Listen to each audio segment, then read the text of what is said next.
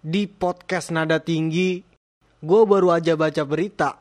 Di India ada orang yang tolol goblok dongo ngasih makan gajah yang lagi hamil pakai mercon.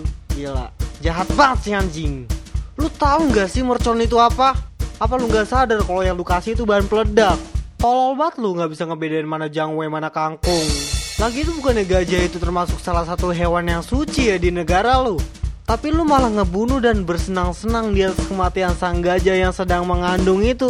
Di saat gajah itu sedang kelaparan dan berjuang untuk anak-anaknya di dalam kandungan dan tiba-tiba lu dateng, lu kasih dia buah-buahan, lu kasih dia makan. Gajah itu sudah menganggap lu sebagai dewa penyelamatnya. Tapi di sisi lain lu berniat buat ngebunuh dia. Psikopat banget lu gila.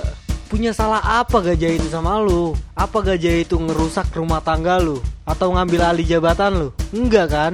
Tapi kalau bisa-bisanya si anjing nyiksa gajah kayak gitu Gue yakin Firaun Manusia terjahat di dunia Kalau ngeliat lu kencing di celana dia Penjara pun gak sepadan buat orang-orang kayak gini Orang kayak gini kasih aja McD yang dalamnya ada nuklir siap ledak dan serpihan mayat taruh di atas mendiang Firaun biar semua orang tahu siapa manusia terjahat sepanjang masa.